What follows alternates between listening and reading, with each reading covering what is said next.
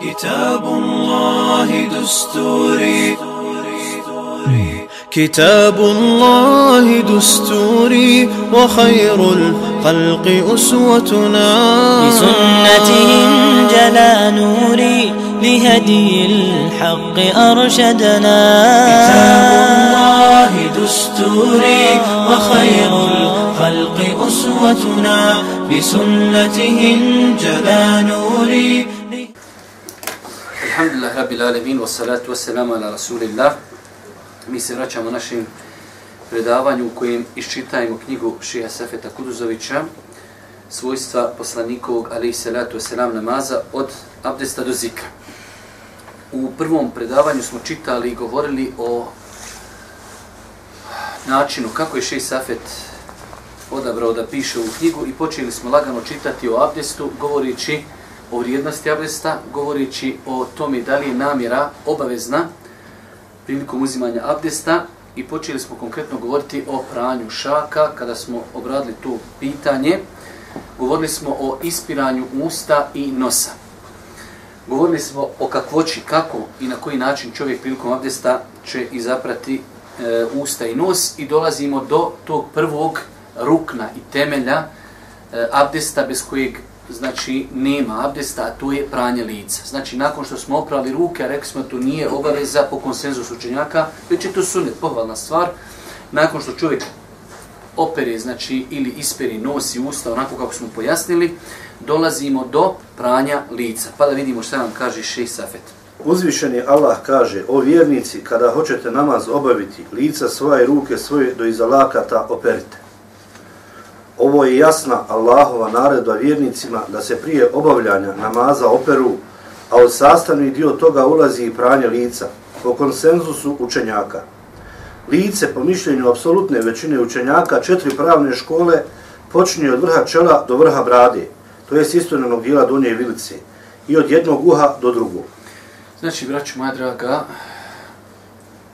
tim nekim hronološkim redom prilikom uzimanja abdesta, šest safet nam pojašnjava da je jedna elementarna stvar, temelj, rukn abdesta, bez čega ne može nikako da bude abdest, jeste pranje lica. Mi smo govorili, znači, da li usta i nos potpadaju pod lice, ali nakon što smo to riješili, rekli smo da ne bi to trebalo nikako preskakati, dolazimo do pranja lica. Pa će vjernik, znači, uzeti vode u dvije ruke, shodno opet mogućnosti, i oprati lice u granicama od onda gdje mu počinje kosa do brade, i u širinu od uha do uha. Znači nekad imate ljudi, jednostavno to mi ne obraćaju pažnju, pa jednostavno operi možda ovaj dio ili mu gore ostane ili dole ili eventualno sa strani. Pa je obaveza znači oprati od mjesta gdje niče kosa do bradi širinom znači od uha, tačno od ovi resice do drugog uha. Imamo tu jedno pitanje koje mislim Ši Safet nije sumnio, a to je brada. Pa kažu islamski učenjaci, ako je brada gusta, ona njena vanština uzima propis lica. Njena vanština uzima propis lica. Pa je obaveza vanštinu bradi oprati. Ako je brada gusta, znači ima bukvalno, ajde da kažemo, jedno, bukvalno izgleda kao produženo lice. Dok ako je brada znači rijetka, onda je obaveza čovjeku da opare, opere dio ispod brade kako bi voda došla do, znači, do koži. Ši Safet nam ovdje spominje da je po konsenzusu učenjaka ovo obaveza. Što znači, e, čovjek može oko ruku, dobro, nijem vode, pa preskočit ću ruke, ok, ali lice je prva temeljna stvar koja se moža, mora oprati i e, znači svi hadisi u kojima se govori Boži poslanik je abdestio, u njima se spominje pranje lica. E, to ćemo sve, onaj, ajde da kažemo, preskočiti nakon što smo pojasnili e, granice lica, da je to od brade, e, od mjesta gdje počinje kosa do brade, u širinu od uha do uha, da je to sve obaveza oprati. Ako je brada gusta, znači peri se njena vanština, poslije ćemo govoriti o sunnetu, da je od sunneta da se uzme vode i da se stavi pod bradu, o tome ćemo poslije govoriti. Po konsenzusu islamskih učenjaka, ovo je farz, znači obaveza, rukn, temelj, na namaz, uh, abdesta. Nakon toga nam dolazi, nakon što smo oprali lice, znači e, imamo dva, dvije vrste dokaza da je to obaveza. Kur'an kaže, o vjernici, kada hoćete molitvu obaviti, lica svoja operite. pa perimo lica, nakon toga i ruke svoje do iza lakata, da čujemo šta nam kaže Šisafe. Pranje ruku podlaktica. Uzvišeni Allah kaže i ruke svoje do iza lakata operite. Prenosi se od Noajma i Abdullaha da je vidio Ebu Horeiru kako se abdesti. Prvo je oprao svoje lice, potom svoje ruke sa dijelom nadlaktica. Zatim je oprao noge sa dijelom potkoljenica i na kraju je rekao Čuo sam Allahova poslanika sallallahu alaihi ve sellem kako kaže Biće prozivani pripadnici moga ummeta na sudnjemu danu, a na njihovim licima, rukama i nogama biće svjetlo tragova abdesta, pa ako može, neka pere što više. Vidite, znači ovaj hadis u Rebu Hureyre, ove zadnje riječi su veoma bitne, kažem, pa ko može, nek peri i više. Veliko je razilaženje kod islamskih učenjaka kada je u pitanju, znači, ove riječi, da li su one hadis ili su one, nakon što je Ebu Hureyre prenio hadis, on je od sebe nešto rekao. Pa velik broj učenjaka je kazao, jer ovdje da, ko može nek peri i više. Pa znači, ako možeš peri i dalje, znači ispadne da je to hadis. Allah najbolje zna ove riječi su, znači, e, govor Ebu Hureyri. Mi nećemo se puno tome osvrtati. Drugi temelj, drugi rukn abdesta, bez kojeg nema abdesta, jeste pranje ruku.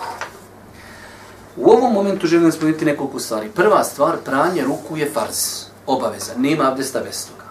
Obuhvata pranje ruku od ovda, od vršice prstiju, do, znači, iza lakata. Obuhvata cijelu ruku i lakat. Ovdje u ovom kuranskom ajetu rečeno, operite, lice, e, operite svoje ruke do lakata. Pa postoji jedno veliko razilaženje kod islamskog učenjaka da li lakat potpada, ali s ovom hadisu Ebu Huriri, znači lakat potpada pod e, termin ruke. Vidjeli ste malo prije kad smo govorili ono pranje šaka prvu, ono je po konsenzusu sunnet, što znači, imate velik broj naših bošnjaka, ljudi, kad dođu, znači počnu abdestiti, operu ruke, operu usta i nos, lice i počnu peru ruke ovda, jer kaže opravo sam već ruke, to pranje ruku je sunnet, pa je obaveza ruku oprati ponovo od znači vrha prstiju do iza lakata i lakat.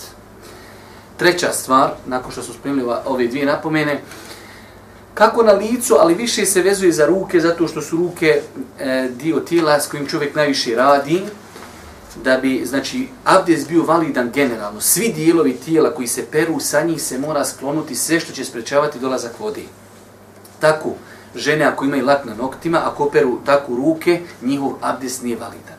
Ili čovjek ima fleku, ima farbe, imate čak, čitao sam fetvo od islamskog učenjaka, kad od, od ribe, znači ona imaju ribe, pa na njima imaju oni, kako se zove? Krljušti. Krljušti i zalijepe se bukvalno, znači toliko se zalijepi za ruku da voda ne može doći ispod. Do, znači čovjek treba da očisti ruku, o, da li znači to može biti farba, da li može biti nešto drugo, od svega što će spriječiti vodu do dolaska, znači e, na površinu tijela.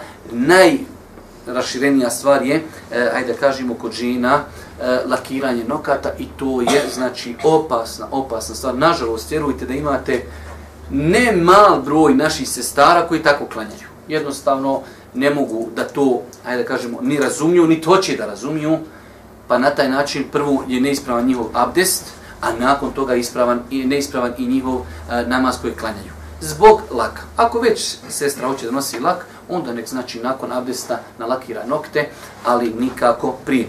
Tako da, znači, u pogledu ovog pranja ruku, rekli smo da je rukn, da se treba oprati od vrha prstiju do, znači, iza lakata. Lakat se treba, znači, oprati vodom i paziti donji dio lakta, jer jednost nekad ljudi uzmu ovakvu vodu, a ostanje donji dio. Tako isto sa petama. Boži poslanik je rekao u vjerodostojnom hadisu Buhari muslima, teško se petama odvatre, u smislu teško se petama koji ne budu oprane kada čovjek abdesti. Imate ljudi stavi nogu po česmu i kako voda silazi, pete ostanu neoprane. Pa isto i ovdje. Ili šta imate situaciju kad ljudi, ako je zima, hladno, pa ima neku debelu majicu i zagrne rukavi i ovdje stane rukav. I on pere još, ono, neće da smokri majicu i do ovdje operi.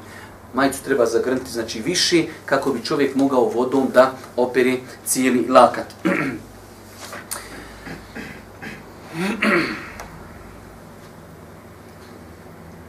znači rekli smo da imamo razilaženje kod učenjaka i to razilaženje je validno, da li lakat sam ulazi u ovaj termin, ali ispravno, ispravno je da je obaveza oprati i lakat.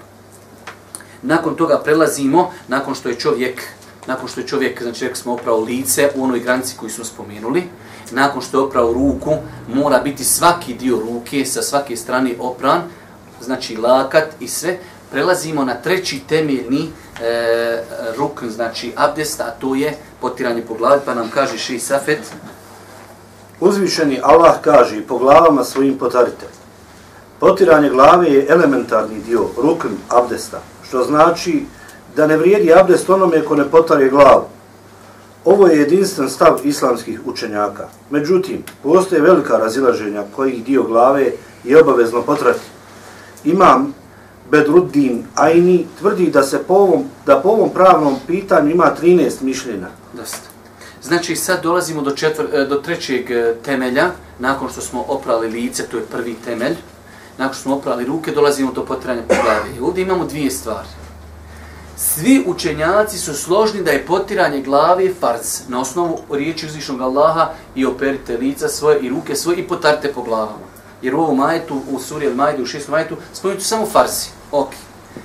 Pa nakon što su oni donijeli zajednički stav da je to farz, onda su se međusobno oni razišli, a dobro, šta je to minimum koji se čovjek mora uraditi? Ja sam neki dan napisao jedan članak i eto, očekujem ovo dan, dva da se objavi na Mimberu oko tog momenta. Ovdje imate jednu, volio da zapamtite stvar. Vi znate da većina naših naroda, kad abdesti, ono, kako ko, ali potare se malo po glavi, to je to. Znači, braću moja draga, u hadismu Buhari i muslima je zabilježeno da je Boži poslanik potirao po glavi na način što je stavljao svoje ruke, znači tu na čelo, potrao bi po kosi skroz do kraja, skroz do vrata i vratio bi. To je sunnet zabilježeno u hadisima Buhari i muslima. I nažalost, velik broj ljudi ne zna da je hanefijski mezheb, da je to sunnet. Hanefijski mezheb kaže, nije obaveza svu glavu potrati. Ali od sunneta, ako hoćeš da slijedi sunnet Božijeg poslanika, onda potari cijelu glavu. I našao sam neki dan citat od jednog učenjaka u Hanefijskom mezhebu, u Haši od Ibnu Abidina, kaže, ako bi čovjek kontinuirano u Hanefijskom mezhebu ostavljao taj sunnet, on je griješan. Znači čovjek nikad u životu neće potrati cijelu glavu. Uvijek kaže, pa mezheb je četvrtina i to je to. Kaže, ako bi tako radio cijeli život, kaže, bojati se za njega da se da on bježi od sunneta Božih poslanika. A imate naših ljudi koji, on je nauč, samo četvrtina glavi ne idi dalje. Pa treba ljude naučiti, ovo je sunnet, da se potari sva glava. A u lema se razilazi šta je minimum da bi tvoje potiranje bilo validno. Ali sumne, to ćeš da budeš na sunnetu Božih poslanika, kako je on to radio, onda trebaš potrati cijelu glavu, bez sada, hajde da kažemo, da ulazimo u detalje šta je minimum. Islamski učenjaci s odno e, nekim argumentima, ne želim da vas umaram time, še je ovdje to ovaj e, razradio, razišli su se šta je minimum. Ima u koja kaže, farz je protati cijelu glavu. I Allah Đelšanu najgore zna, po meni je to najjače mišljenje. Znači čovjek, osim ako čovjek ima kapu na glavi, turban, onda znači može potrati prvi dio glave i nastaviti tamo da potari po turbanu. Ali ako nema kapu na glavi, znači u smislu turban, onda čovjek treba da potari svu e, glavu. Znači, razilaženje jako postoji, ali meni je ovo bitno da naučite. I po hanefijskom mesebu, odnosno pa uvijek po konsenzusu, da je sunne tako potrati glavu. I treba ljude, kad ih podučaješ, podučavat ga ovako.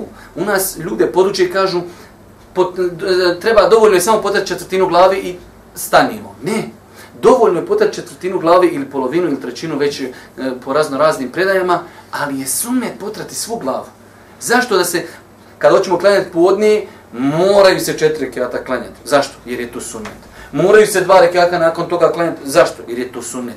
Pa zašto da se isto tako ne predržajemo sunneta Božih poslanika, koji je u jednu ruku toliko zapostavljen da ga velika većina ljudi naši ne poznaju velika većina našeg naroda potire glavu samo, znači čak kakvi sve sam verzija gledao kako ljudi potiru, znači to je strahota. Znači čovjek od sunneta da se ruke znači stavi na čelo, da se potari sva glava i da se vrati. To je zabilježeno u hadisima Božih poslanika alaih salatu wasalam. I mi znači imamo ovdje e, velike rasprave kod učenjaka, ali ono što se može kazati znači jeste da je jasno precizirano sunetu Božih poslanika ali se ratu da se potire sva glava i da postoji razilaženje šta je minimum e, koji je e, ajde da kažemo obaveza da se potari, ali kao što smo govorili tamo kad je bilo u pitanju ispiranje usta i nosa. Pa smo rekli ima razilaženje to vađib bil nije, ali je praksa poslanika da nikad to nije ostavljao. Pa znači najsigurnije da čovjek potari glavu na ovaj način i uz, uz Allahu pomoć tada je postupio ispravno po svima. Uzmite sebi jedno pravilo. E, kada god imate mogućnost da uradite nešto i niko vas ne kritikuje, a ako uradite nešto drugo, jedni će vam reći ok, a jedni će vas kritikovat, uvijek uradite da vas niko ne kritikuje. Što znači preneseno u ovom značenju? Ako potarite svu glavu, niko vam ništa prigovorit neće. Ako potarite pola glavi, ima u koji kaže Boga mi abdesti nije ispravan. Kaže ima u Leme ispravan je. Pa da bi ja, da bi svi vukovi bili siti, ovce na broju, potarim svu glavu, ispunio sam sunnet, sva ulema mi kaže abdest je zadovoljavajući po sunnetu ispravan. Zar to nije prioritetnije? Nego da uradim nešto, a dio uleme će me kritikovati s pravom, s jakim dokazima da moj abdest nije upotpunjen. Pa znači, uvijek kad imate takvu situaciju gdje možete, ako postupim po jednom mišljenju, svi će mi reći ok, Ako uradim po drugom mišljenju, pola će mi reći, ok, a pola će reći, Boga mi nisi dobro uradio, uvijek je bolje normalno kad se može uraditi, shodno dokazima, shodno argumentima, jer imate nekad kad ljudi u datom momentu dijelimično, možemo nazvati, pretjeruju. Kaže, predostrožnost, predostrožnost. Predostrožnost za tebe, ali nemoj za ostale muslimane. Ali ako je nešto jasno preneseno u poslanikom sunnetu i nije teško, ako već dođemo ovako, potro sam glavu dopala, Pa šta je to o čemu se... Znači, samo da nastavim i završim. Tako da insan treba živjeti, eh, ajde da kažemo, po tom pravilu. Nakon toga nam je še spomenuo jedno, pravi, e, jedno, hajde da kažemo, poglavlje. Ja bih želio da ga e, izbjegnemo, da ga preskočimo, zbog, hajde da kažemo, može doći do malo onaj pogrešnog satanja. Potiranje še je to naslovio po kapi, po turbanu. Kod nas, znači, onaj, se ne nosi turban, pa ćemo to i preskočiti, a imam i neki drugih razloga. Šta je interesantno spomenuti na kraju ovog poglavlja? Da žene, žene koje nose mahramu, jer kad je u pitanju turban, zašto ja želim da to preskočim iz razloga? Što ima u koja kada govori o potiranju po turbanu, postavljaju uvjete za turban. Da je svezan ispod vrata, da je svezan preko leđa i tako dalje, da je ga teško skinuti. E, žena, ženino nošenje mahrame potpada pod te uvjete. Tako da žena, ako negdje pogotovo imala bi situaciju da negdje, ajde da reknemo, na otvorenom abdesti ili negdje možda žena koja radi u školi ili neko ko radi u nekoj državnoj instituciji ili negdje u firmi, pa treba da abdesti, teško bi bilo da skine iglice i da skine mahramu, možda ju neko i vidi ili šta ja znam. Znači, kad dođe do momenta potiranja, ona ima pravo da potari po mahrami. Znači, to je jedna velika olakšica i to je preneseno od eh, supruga Božih poslanika, ali se ratu selam, a to se poglavlje vezuje za ovo potiranje po, evo še je to naslovio kapa, iako je to znači u hadismu Božih poslanika, ali se sam e, eh, zabilježeno kao turban, ali učenjaci, znači, su u pogledu tu potrebne po turbanu imaju dosta govora da li se mora oblačiti na abdest, da li je ograničenje kao ograničenje kod mestvi, da li je to samo turban koji je teško skinuti ili je to svaka druga kapa i tako da se ne bi time umarali. Nama je bitno bilo naučiti da je e, potiranje po glavi jedan temeljni rukn abdesta. E, da se ulema razilazi koliko je minimum obaveznosti, ali smo rekli da je bolje se pridržavati onoga što je zabilježeno u jasnim hadisima Božeg poslanika u Buhari muslimu, da se potiri cijela glava. Nakon toga nam dolazi e, kao pojašnjenje. Dobro, nakon što smo rekli potirimo po glavi, govorili smo koliko, dolazi koliko puta. Nakon što smo definisali koliki dio potrati, e, zapamte, znači, potiranje glave je izuzetak u abdestu, u smislu ovoga. Kada je u pitanju potiranje, kada je u pitanju abdest i svi ostali dijelovi tijela, može čovjek pratiti se prilikom abdesta jednom, dva put ili tri put. A kod, kod glave je specifično zato što glava se potiri, glava se ne peri. Pa kažu neki islamski učenjaci, nema, e, hajde da kajemo, racionalnog e, jačini, da čovjek više puta potire glavu. Jer nije pranje. Ali postoji razilaženje shodno rivajetima u velikoj većini rivajeta, ali evo vidimo šta će nam Šeji Safet kazati, e, potiranje glavi više puta po glavi. Od Osmana ibn Afana se prenosi da je poslanik sallallahu alejhi ve sellem potirao svoju glavu tri puta. Ova predaja, znači imate mnoge predaje u Buhari i Muslimu da je potirao, a hadisi opisuju abdes Božije poslanike, kaže opravo je ruke tri put, lice tri put, pa je potrao glavu jednom. Velika većina hadisa je ta. A ima hadisa koji su, ovo su hadisi u Buhari i Muslimu, A ima hadisa koji su na nižim stepenu od toga gdje je spomenuto da je Boži poslanik Ali se ratu selam ponekad potirao i tri puta. Pa da vidimo šta nam kaže Ši Safet. Prenosi se od Alije u opisu abdesta poslanika sallallahu alihi ve sellem da je potirao svoju glavu tri puta. Prenosi se od Enesa ibn Malika da je potirao po glavi tri puta. Šejh Nasrudin Albani kaže, to je ispravno, potiranje glave tri puta. A predaje koje govore o potiranju glave jednom, iako su mnogobrojne, nisu oprećene ovoj verziji. Od sunneta je da se ponekad potire i ovako. Ovo mišljenje zastupa imam Šafija i većina učenjaka šafijske pravne škole. Imam Ahmed po jednoj verziji, Davud i Ibn Hazm, Ibn Dževzi, Sanani i drugi. Znači, opet še Safet vidite pristupa, znači, hajde kažemo, citiraju ove riječi Šeha Albanija kao e, neko preferirajuće mišljenje imamo da je stalna praksa, odnosno većinska praksa Božeg poslanika bila da je jednom potirao glavu. Ali imamo dvije ili tri predaje od nekoliko saba da su zabilježili da je potirao i dva ili tri puta. Pa kaže Šeha Albani, jeste većinska praksa i većina hadisa je da je jednom. Ali da čovjek nekada, hajde rećemo jednom sedmično, jednom u 15 dana, potari dva put ili tri puta uz Allahu pomoć, nije pogriješio i on je uprakticirao i onaj, hajde nazovemo ga, povremeni sunet koji je e, radio Boži poslanik, pa znači nema potrebe da mi isključimo, kaj moraš jednom ili moraš tri puta.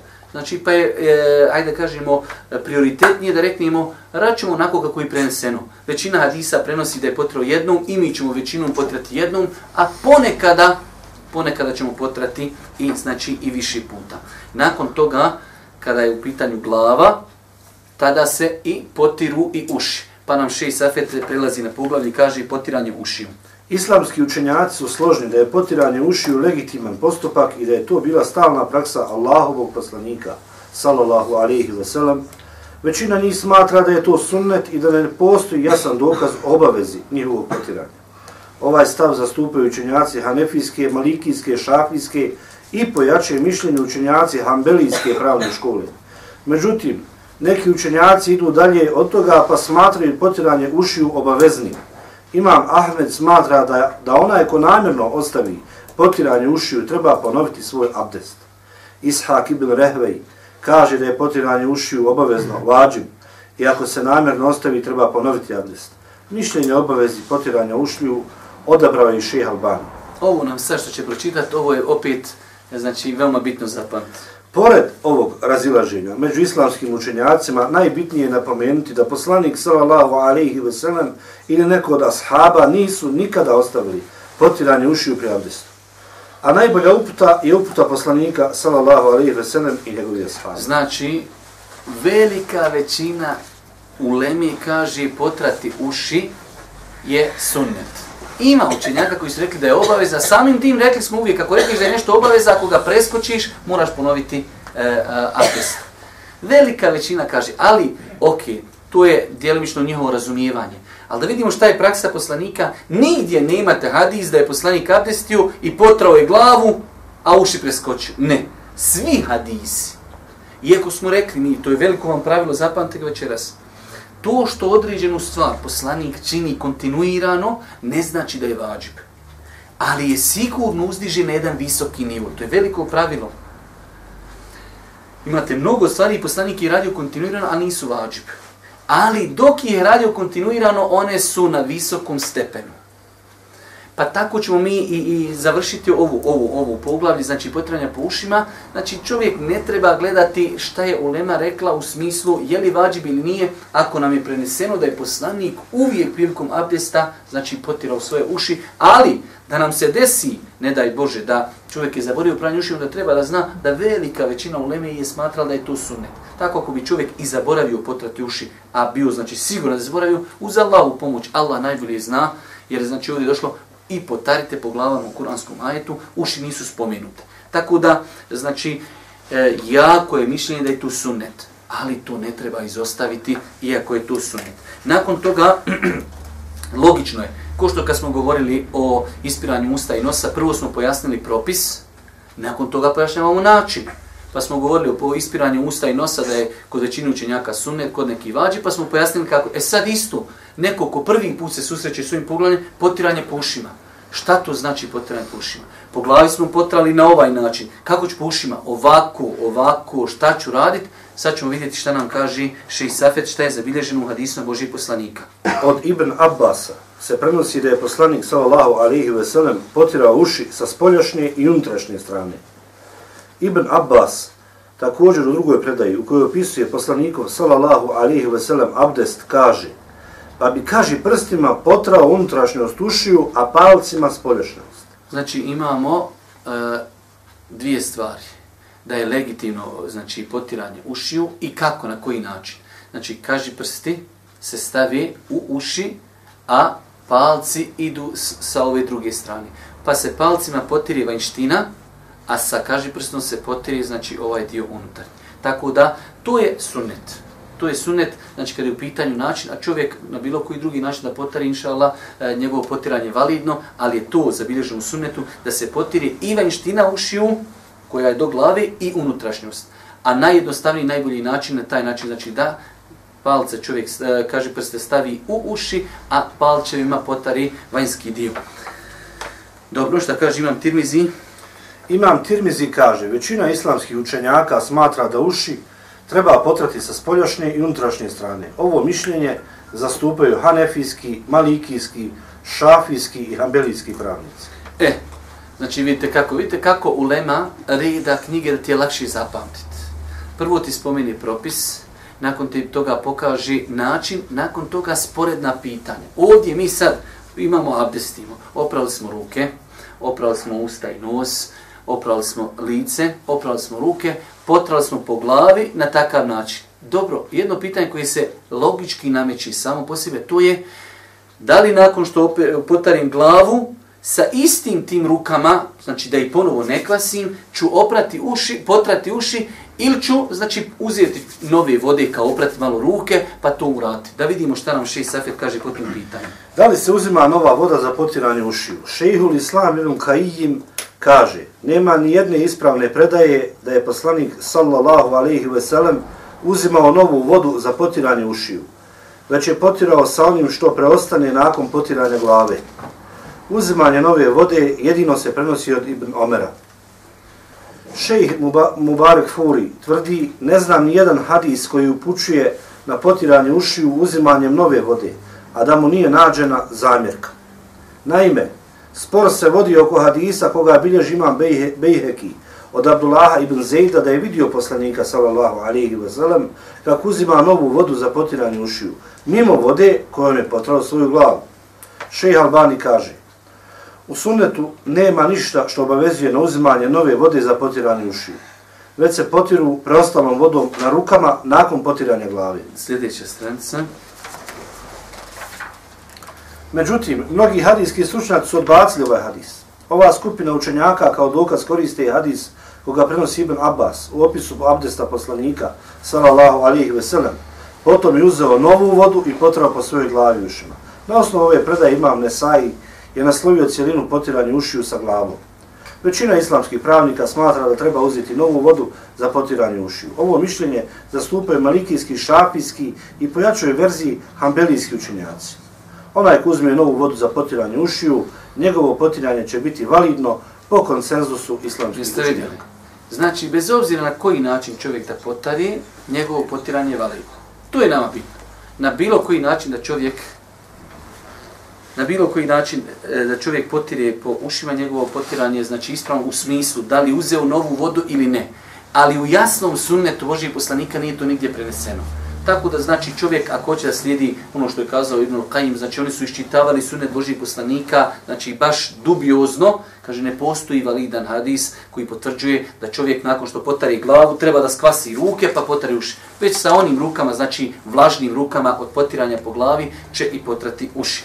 Dobro, nakon toga dolazi nam logično jedno pitanje po redoslijedu, nešto što je prisutno kod nas u Bosni u praksi, a to je potiranje vrata. Da vidimo šta nam kaže Ši Safet o potiranju vrata. Da li je ispravno potirati vrat pri uzimanju abdesta? Islamski pravnici po ovom pitanju imaju dva mišljenja. Izrazita većina hanefijskih i mnogi šafijski pravnici smatraju da je potiranje vrata legitiman postupak. Većina islamskih učenjaka smatra da potiranje vrata nije legitimno, jer nije utemeljeno u sunetu. Ovo je stav malikijskih učenjaka, jače mišljenje u šafijskoj i hambelijskoj pravnoj školi i stav nekih hanefijskih učenjaka. Šehul Islam ibn Tejmije kaže, nema ni jednog ispravnog hadisa da je poslanik sallallahu alaihi ve sellem potirao svoj vrat pri uzimanju abdesta. Isto ovo smatraju šehul Islam ibn Kajim, imam Neovi, Ševhani, Ebu Tajib, Abadi i stalni kolegi za islamsko misionarstvo. Ovo zapamtite kada vam se navede da četiri, pet veliki hadijskih eksperata kaže da u određenom poglavlju nema ni jedan validan dokaz, onda je to velika stvar. Ibn Taymije, Ibn Al-Qayyim, An-Nawawi i tako To su velika ulema, to su, to su velika, velika imena i veliki ilm. Kad oni zajedno imaju stav da u određenom poglavlju, to su ljudi koji su živjeli u 7. i 6. stoljeću i 8. stoljeću, Dobro, nije to vrijeme prvog, drugog ili trećeg stoljeća da možemo reći pa još se nisu hadijske zbirke kompletirale ili ili ne. Zbirke su se kompletirale. I ako oni kažu nema hadisa, onda zaista, hajde da kažemo, je veoma teško da se desi da ipak ima neki hadis. U svakom slučaju, braću moja draga, e, ne postoji jasan e, hadis i argument koji e, čini legalnim potiranjem vrata prilikom abdesta. S druge strane, Uvijek uzmite sve pravilo. Hadisi koji su zažbilježeni u Buhari i Muslimu su najprioritetniji da se slijedi. Pa ako su toliko hadisa u Buhari i Muslimu preneseni i nigdje nije spomenuto potiranje vrata, ima tamo neki hadis o kojeg se spori u lema žestoko, spomenuto je potiranje vrata i to indirektno, onda, znači, Allah najbolje zna da je prioritetnije da čovjek, hajde da kažemo, e, ostavi takvu stvar. Dobro.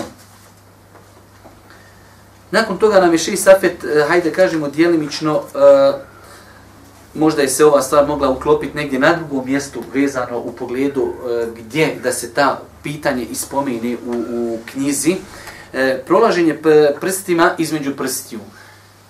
Znači ovo po meni se moglo spomenuti na nekom drugom, jer jednostavno mi govorimo o onaj, ali, hajde kažemo, bar kod mene tako, onaj, rekao da nije kod mene neka greška u knjizi.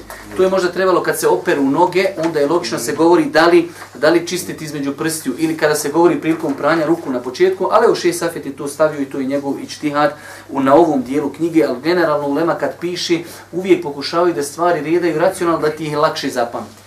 Pa govoriti sad ovdje o pranju prstiju, ručnih i nožnih, je dijelimično, eh, hm, ajde da kažemo, stvar koja bi se mogla malo pomjeriti ili naprijed ili nazad, ali to nimalo ne utiče na, na validnost knjige, eh, niti na njenu vrijednost. Pa da vidimo šta kaže naslov i šta kaže knjiga. Prolaženje prstima između prstiju. Allahu poslanik sallallahu alaihi ve sellem naredio je da se prilikom uzimanja abdesta prođe, protrlja prstima između prstiju ruku i nogu. Učenjaci Hanefijske, Malikijske, Šafijske i Hanbelijske pravne škole smatraju sunnetom ovo čišćenje između prstiju. Poznati Hanefijski učenjak Ebu Bekr El Džesas tvrdi da niko od učenjaka ovaj postupak ne smatra obaveznim vađibom. Od lekita... Da, da, to je, znači, e, imamo ovaj moment, osim u slučaju što je navjela ulema, ali ne volim da vas umaram sa tim pod znacima sitnicama, Imate ljudi, na primjer, čije su noge malo deblje, pa su mu prsti toliko spojeni da on kad stavi svoju nogu pod vodu, znači jednostavno voda ne prolazi između prstiju. U tom slučaju je obaveza rastaviti prste da voda uđe u taj svaki dio.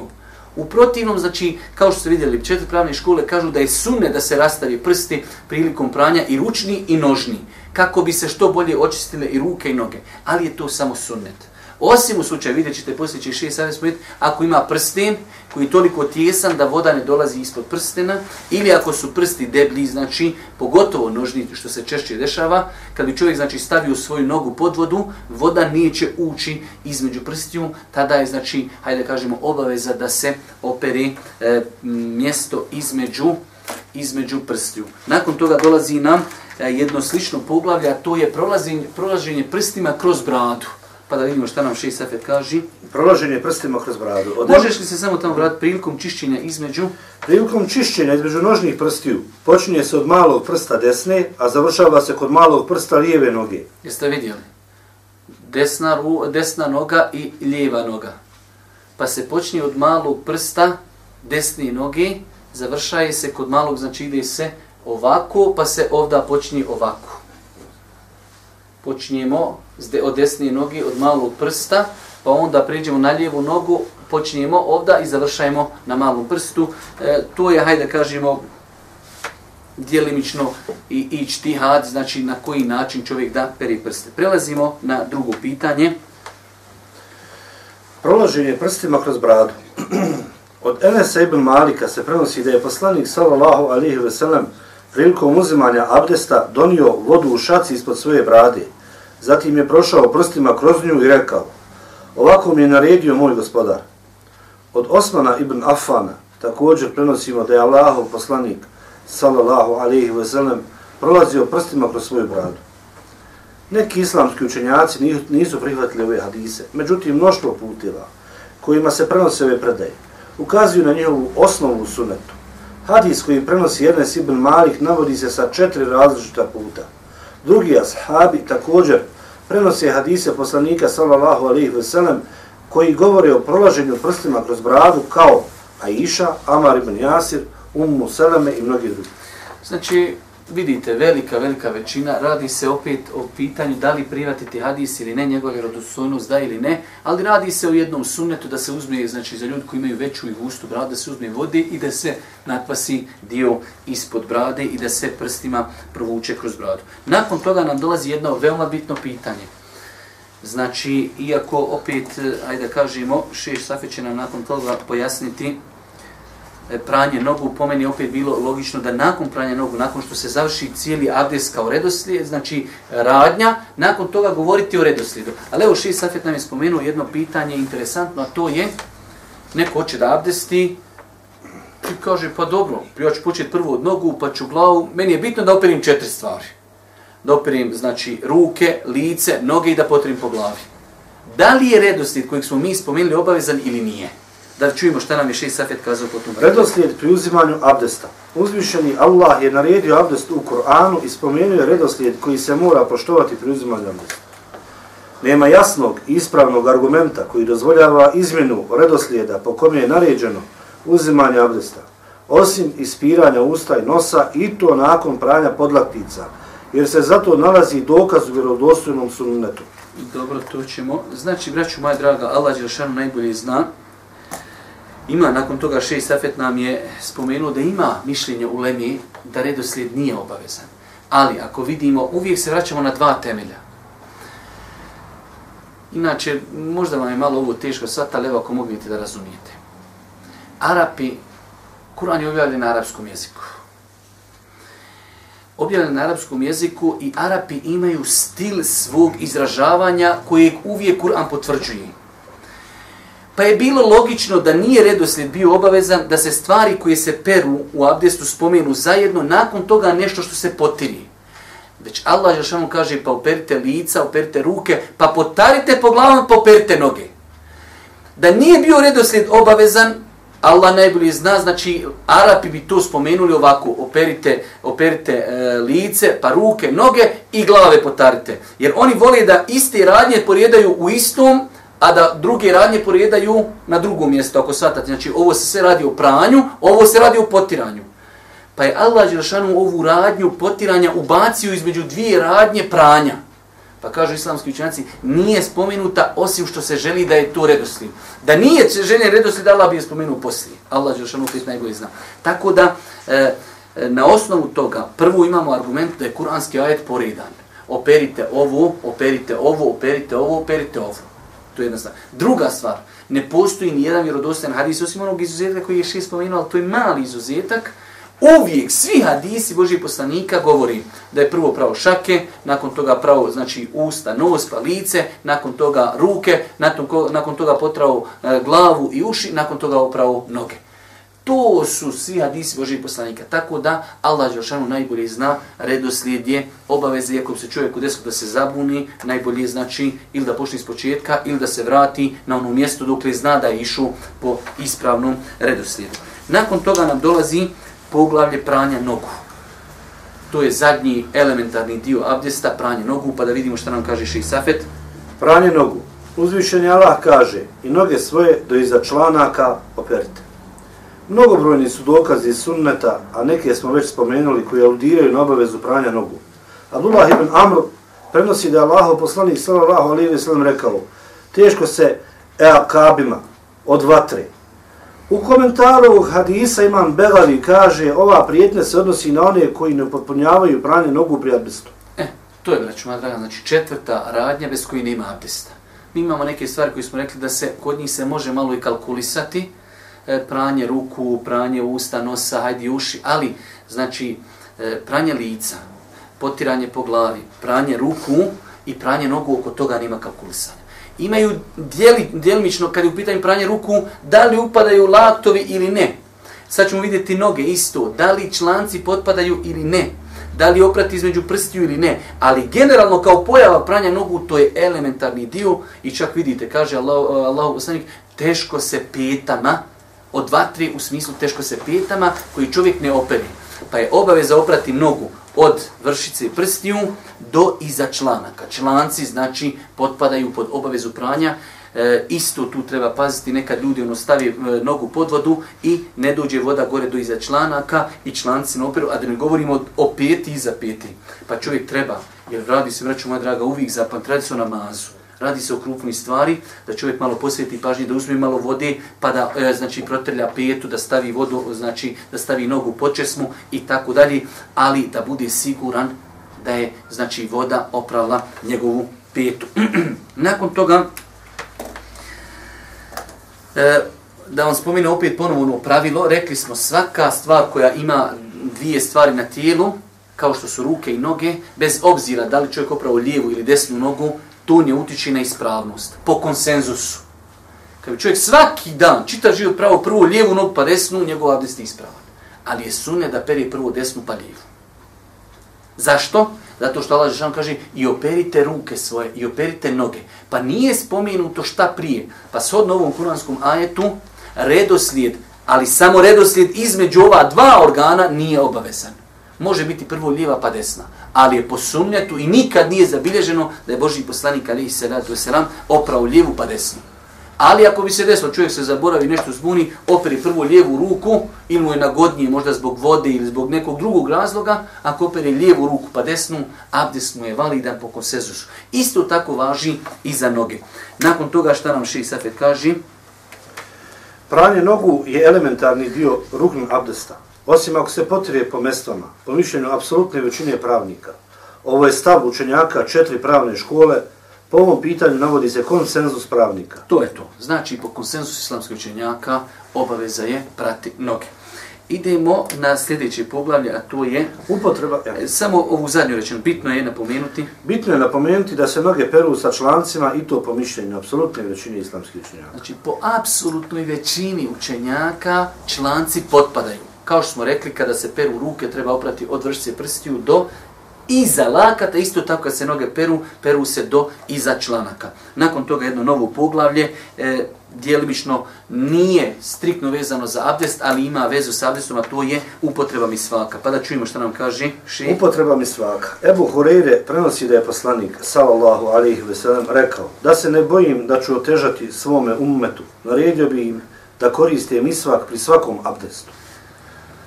Imate, znači, ovo je jedan od velikih hadisa, da kaže Boži poslanik, da se ne bojim da ću otežati svom umetu, ja bi im naredio. Znači, toliko je pohvalno korištenje mi svaka prilikom svakog abdesta i prilikom svakog namaza, da Boži poslanik kaže, ja se samo bojim da im to ne oteža. A da im neće otežati, ja bi naredio svom umetu da svi prije abdesta moraju da očiste zube i svi prije namaza da moraju da očiste zube.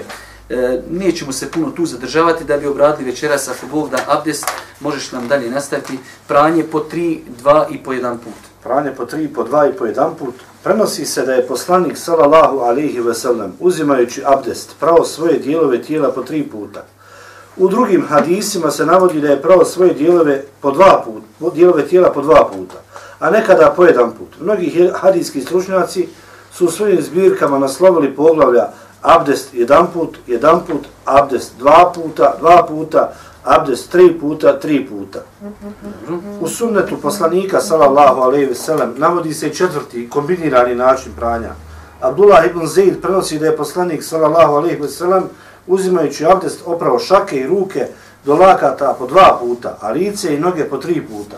Ibn Kajim kaže, u ispravnim hadisima se navodi da je poslanik, sallallahu alaihi ve sellem, abdestio perući dijelove tijela po jedan put, dva puta i tri puta. Nekada je neke dijelove pravo po dva, a druge po tri. Šta nam je bitno zapamtiti?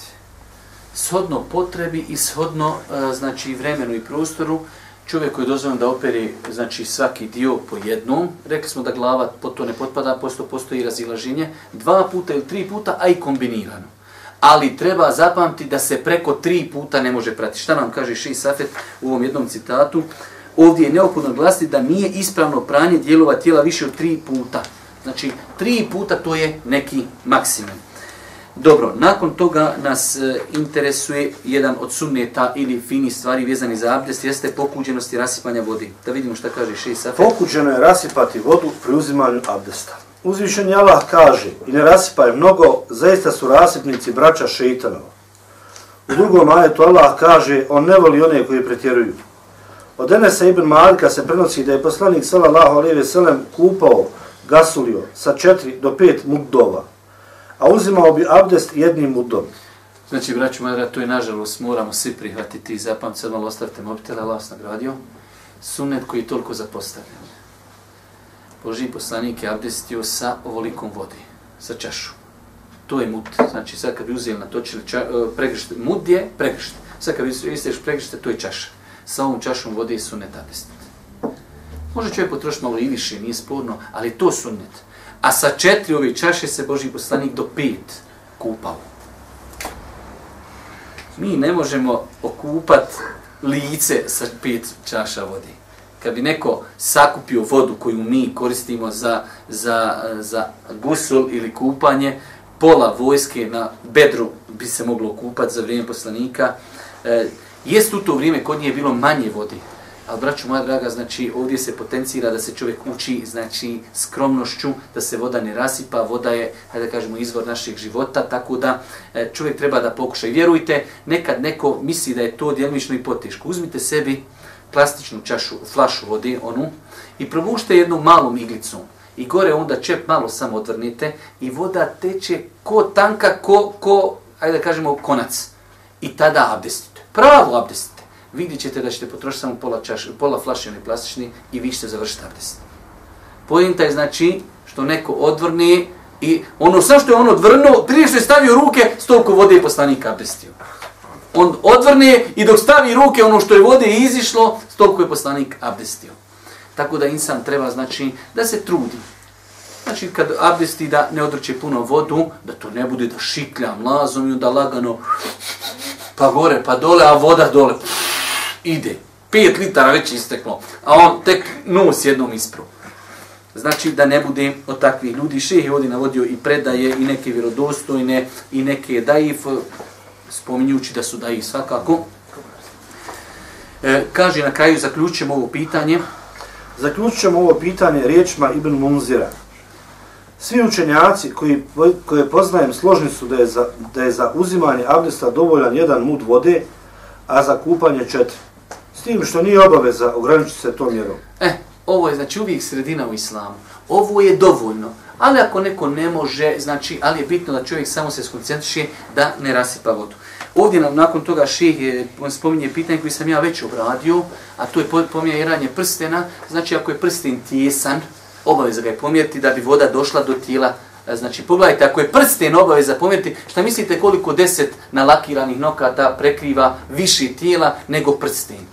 A prsten, kažu učenjaci, ako je tijesan i stao je na kožu, da voda ne dolazi do koži, obaveza ga je malo pomjeriti, oprati prst i vratiti. E šta mislite onda kako je obaveza skinuti lak? Nakon toga, znači vidite, počeli smo abdest na način da smo oprali ruke, svakako rekli smo na početku bismillah, oprali ruke, isprali usta, nos, oprali lice, oprali šake od znači ruke od vrha prstiju do iza lakata, potrali glavu, potrali uši, oprali noge. Šta nam sad dolazi? Imali smo na početku bismillah, na kraju imamo dovu. Sad ćete vidjeti veliku vrijednost za učenje dovi.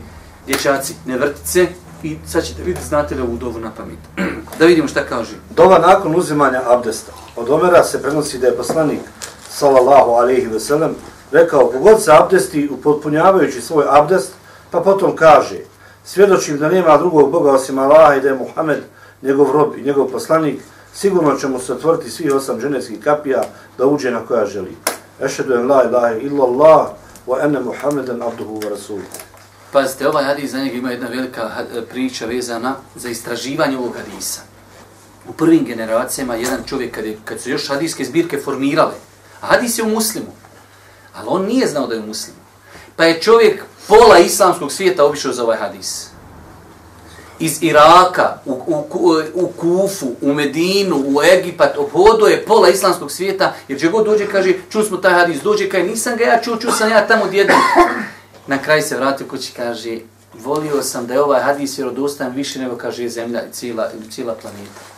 A hadis u muslimu, samo što on u to vrijeme to nije znao. Pogledajte, znači, ko abdesti i nakon abdesta samo kaže ešedon la ilaha illa, ešhedu ne Muhammeden abduhu rasul. Je li to teško?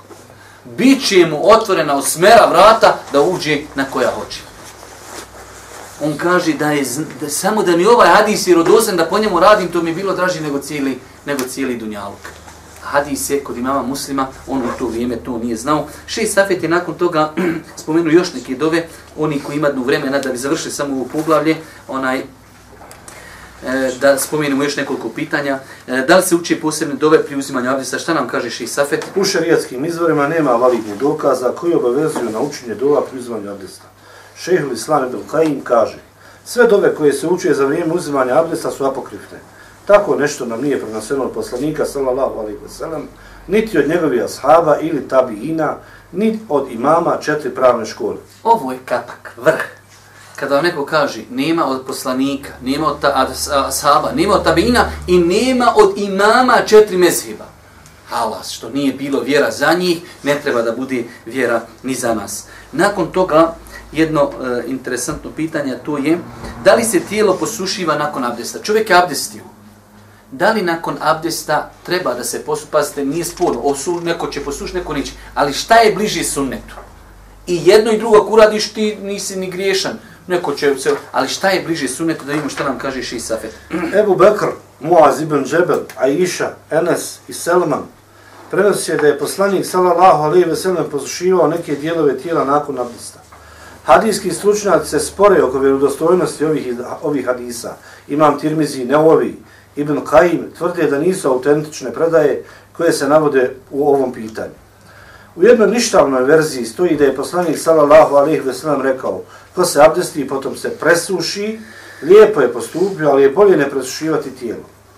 Neki islamski učenjaci su smatrali pokuđenim posušivanje tijela nakon abdesta, a drugi su ne, ne presušivanje tijela smatrali preči. Dole, međutim, Međutim, u pravnim izvorima nema jasnog i vjerodostojnog argumenta koji brani posušivanje nakon abdesta.